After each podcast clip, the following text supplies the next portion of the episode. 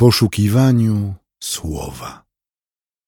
Rozważanie pisma prowadzi ksiądz Piotr Gaś, Kościół Świętej Trójcy w Warszawie.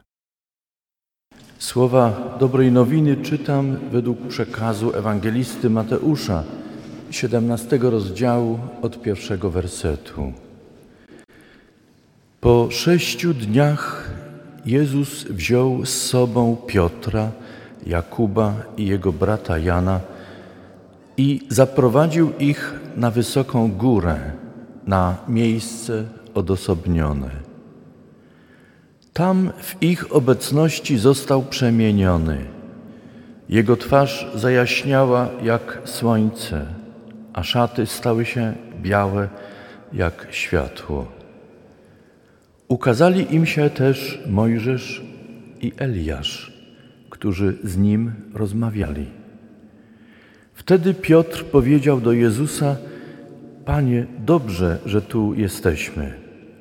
Jeśli chcesz, postawię tu trzy namioty: jeden dla Ciebie, jeden dla Mojżesza i jeden dla Eliasza.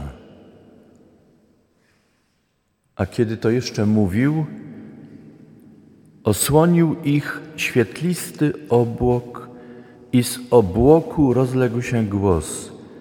Ten jest syn mój umiłowany, w którym mam upodobanie. Jego słuchajcie. Uczniowie słysząc to, upadli na twarz i bardzo się zlękli. Jezus zaś zbliżył się do nich, dotknął ich i powiedział: Wstańcie, nie bójcie się. Gdy spojrzeli w górę, nikogo nie zobaczyli, tylko samego Jezusa.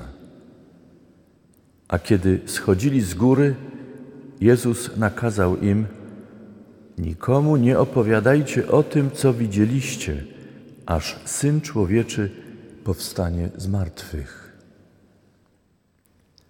Dziękujemy Ci, Panie Jezu, za Twoje świadectwo, za Twoją cierpliwość wobec świata. Dziękujemy, że odsłaniasz nam tajemnicę nieba i prowadzisz nas, byśmy poznawali tajemnicę Boga, Ojca Twojego i naszego. Prowadź nas w duchu Twoim. Amen.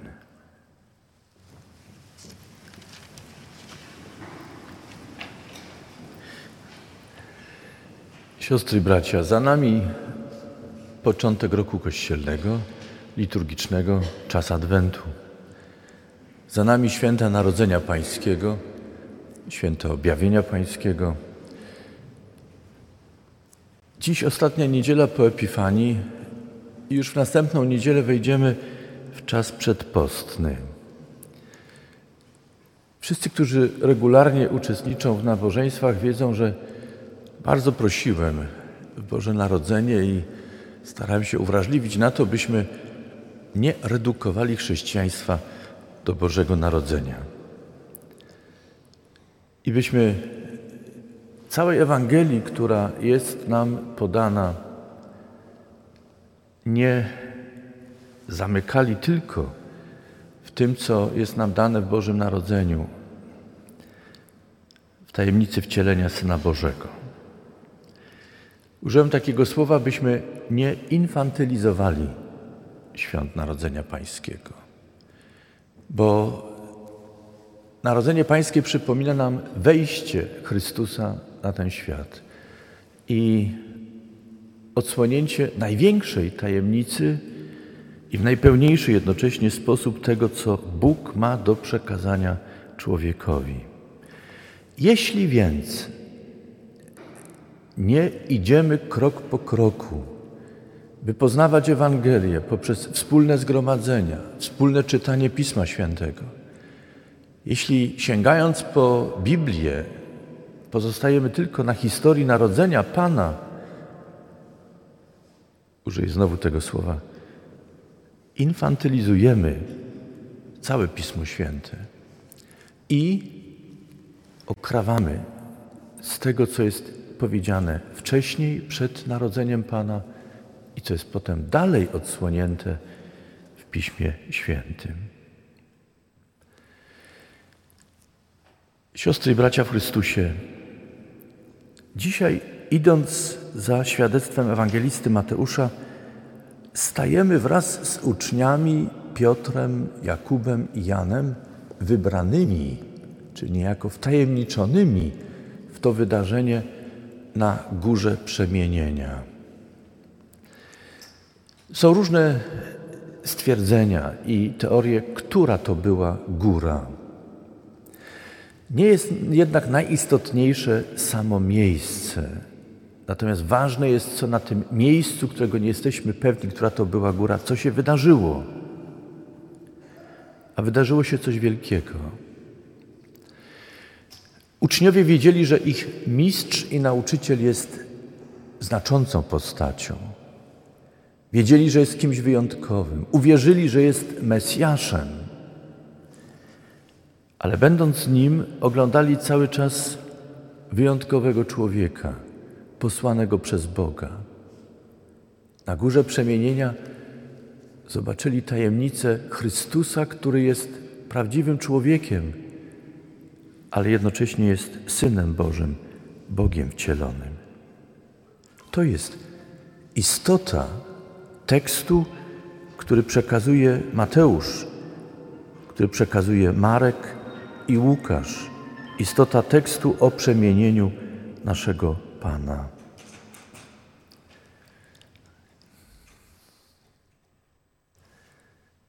Wiecie, że mamy taką umowę, że jak komuś zadzwoni telefon, to funduje lody wszystkim. Jeżeli mamy włączone telefony, proszę wyłączmy, bo ryzykujemy fundowanie lodów wszystkim. Wracam do kazania.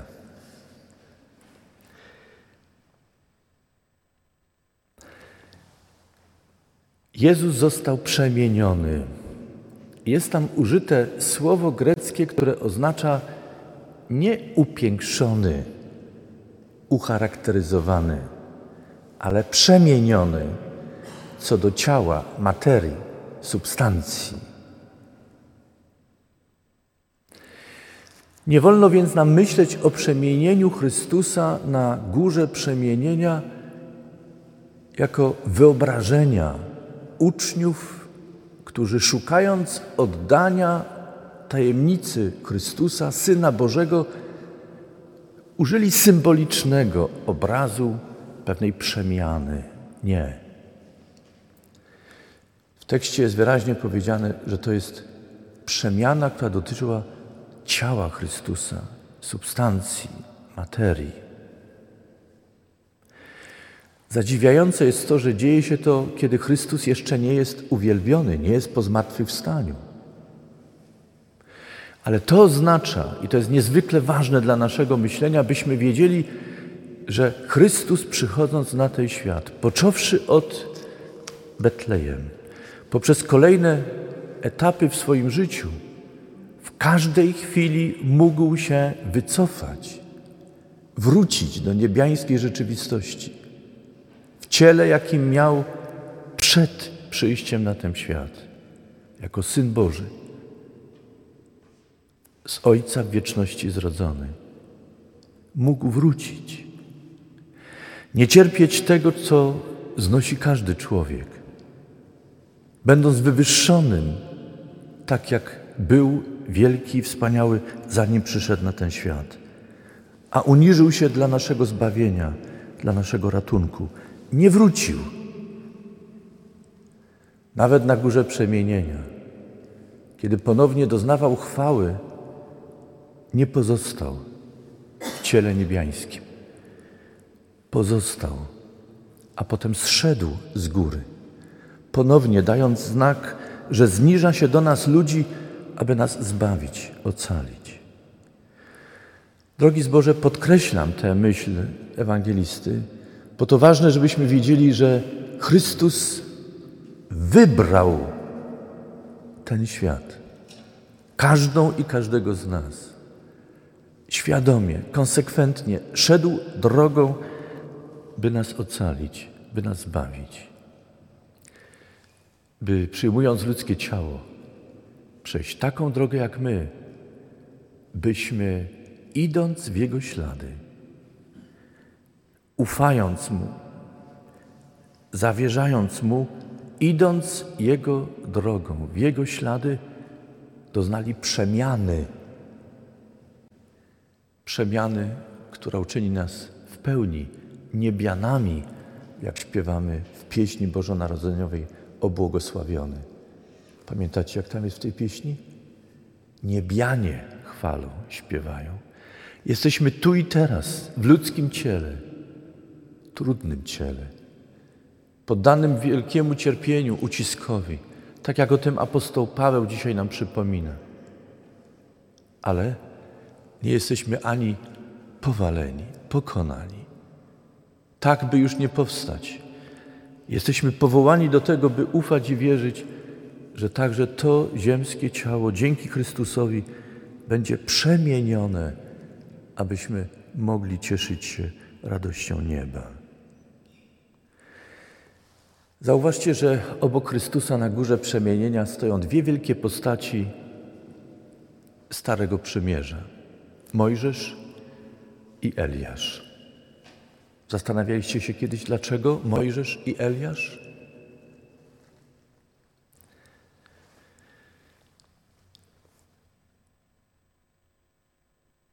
Przypomnijmy sobie, że Mojżesz był tym, przez którego Bóg dał prawo swemu ludowi.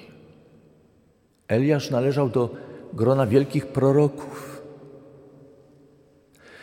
Wydaje się, że uosabiają ci dwaj wielcy mężowie Starego Testamentu Boże prawo, które jest niczym innym jak Bożym wskazaniem na Boże drogi, kierunki, którymi Bóg nas chce poprowadzić. Eliasz uosabia całą wielką tradycję, przekaz prorocki Starego Testamentu, który obnażał lud Boży w odstępstwie, jakiego dopuszczał się, nie przestrzegając prawa Bożego. Ale jednocześnie cała tradycja Starego Testamentu, prorocka tradycja, przypomina, że Bóg pomimo odstępstwa człowieka nie odwrócił się. Uczynił coś wielkiego i wspaniałego. W Chrystusie posłał ratunek, zbawienie i ocalenie. Zwróćcie uwagę, że Chrystus jest pośrodku. Kto zazwyczaj jest pośrodku? Ten najważniejszy, największy. Zwróćcie uwagę, że rozmawiają z Chrystusem, a Chrystus niczym Pan odpowiada, odsłania. Chrystus jest tym, który wypełnił prawo Boże. Stał się doskonały w całej swojej drodze i idąc za nim, zgodnie z tym, co prorocy zapowiadali i co Chrystus potwierdził w całej swojej służbie, w Chrystusie dany nam jest ratunek. Paweł będzie mówił o Chrystusie, kto jest w nim, nie obok niego, nawet nie z nim, nawet nie idącym za Chrystusem, ale kto jest w Chrystusie, dozna zbawienia. Jak można być w Chrystusie? To nie w naszej mocy. Ale wielkie i wspaniałe jest to, że Chrystus, stając przy nas i wśród nas, On otula nas swoją mocą i miłością. On nas takich, jakimi jesteśmy, przyjmuje i otulając nas sobą, a my będąc w Nim, możemy stanąć przed Bogiem. Jest w dzisiejszej Ewangelii coś zabawnego i szokującego. Wiecie o czym myślę? Szymon Piotr, widząc tę niezwykłą scenę, zaproponował: zbuduje trzy namioty. Jeden dla ciebie, jeden dla Eliasza, jeden dla Mojżesza. To śmieszne. Tajemnica nieba jest odsłonięta.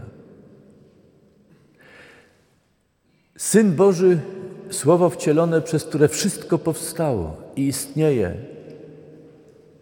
ma zamieszkać w namiocie zbudowanym przez Szymona Piotra, to śmieszne. Szymon Piotr w namiotach chce uczynić Panu Wszechświata mieszkanie i zatrzymać w ten sposób przemienionego Chrystusa tu na tej ziemi? Chce niejako ściągnąć niebo do rzeczywistości ziemskiej i w tym, co tymczasowe i przemijające, chce zatrzymać niebo? Nie wiem, jak wy odczytujecie ten przekaz ewangelisty i słowa Szymona Piotra, ale w moim najgłębszym przekonaniu ta myśl Szymona Piotra odzwierciedla całe nasze myślenie. My, słysząc o niebie i słuchając Ewangelii, cały czas Boga ściągamy do swego świata, do swej rzeczywistości. Zresztą, jak mogłoby być inaczej? Znamy tylko ten świat, tę rzeczywistość, żadnej innej. O tej niebiańskiej słyszymy. Wydaje się daleko, odległa, wysoka. Znamy tylko ziemską. I chociaż jest tak czasem trudno i ciężko, chociaż doznajemy tyle trudnych doświadczeń, to jesteśmy przywiązani do tego, co jest. I usiłujemy ratować nieraz to, co jest, budując coś, co jest naszą dumą. Namiot, dom. Próbujemy tworzyć coś, co ma wywołać w nas i w naszym otoczeniu poczucie stabilności, siły, spokoju, ale w istocie jest tylko namiotem niszczącym. Apostoł Pański Paweł nawiązuje do namiotu w jednym ze swoich listów i mówi, że nasze ziemskie ciało przypomina namiot, który niszczeje i rozpada się i przeminie. Ale to nie jest powód do rozpaczy i lęku, bo mamy dom w niebie nie ręką ludzką, ale ręką Bożą przygotowany, nieprzemijający, pełen chwały. Słuchacie mnie, siostry i bracia, ale ja usiłuję w swoim mówieniu słuchać słowa Ewangelii i próbuję Wam przekazać to, co wydobywam. Staram się wydobyć, mam nadzieję i o to się modlę, w mocy Ducha Świętego z dzisiejszej Ewangelii. Bóg przemawiając do tych, którzy byli na górze przemienienia, a przez to świadectwo przemawiając do nas wszystkich mówi: Ten jest syn mój umiłowany, w którym mam upodobanie. Jego słuchajcie. Dziękuję, że jesteście tutaj zebrani. Dziękuję wszystkim, którzy dołączają do nas i uczestniczą w tym nabożeństwie, słuchając Ewangelii. Cieszę się, że ci, którzy nie słyszą na swoje uszy cielesne, mają swój język migowy, w którym mogą słyszeć Ewangelię i cieszyć się nią. Jestem szczęśliwy, że w ten sposób możemy pokonywać różne progi bariery, by to, co tak niezwykłe, najcenniejsze, co możemy otrzymać, żyło w nas. Wiele robimy w tym świecie, by czynić dobro. Jednocześnie tak mało czynimy, by ten świat był rozradowany, jaśniał dobrem. Dobrze, że w naszym kraju trwa dzisiaj dzień, który jest świętem dla całego kraju. Gra Orkiestra Wielkiej Świątecznej Pomocy i dobrze. Ale mamy nadzieję, że jeszcze wiele się stanie dobrego w naszym kraju, żeby nie tylko orkiestra grała i działo się coś dobrego, Oczekujemy tego od wszystkich rządzących. Oczekujemy tego od siebie nawzajem. Wszyscy na swoim miejscu chcemy przyczynić się do tego, by wiele zmieniało się w tym świecie. Wszak wszyscy zdążamy do tego momentu, kiedy poprzez śmierć staniemy przed Chrystusem w nowym ciele, otuleni przez Niego, by usłyszeć zaproszenie Ojca Niebiańskiego, iż wolno nam zamieszkać w niebiańskim domu.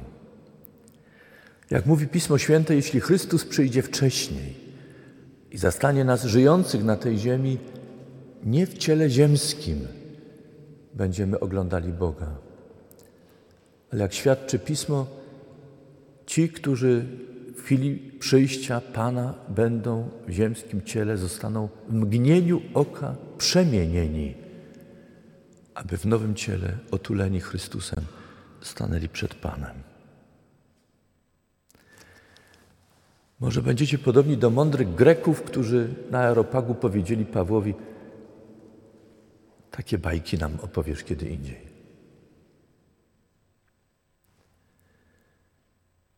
Ale na Aeropagu znalazł się jeden i jeszcze paru, którzy uwierzyli. Mam nadzieję, że dziś choć jeden uwierzy, czy jedna uwierzy, a może więcej. Nie mnie, ale Chrystusowi. On przychodzi, On mówi. Kończąc, jeszcze raz dziękuję, że jesteście. Zapraszam na kolejne zgromadzenia. Nie redukujmy chrześcijaństwa do Bożego Narodzenia. Bóg ma nam więcej do powiedzenia i mówi. Chciejmy to poznać, usłyszeć i uwierzyć. Amen.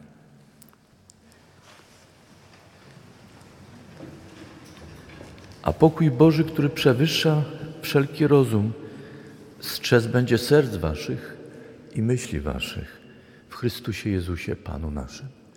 Amen.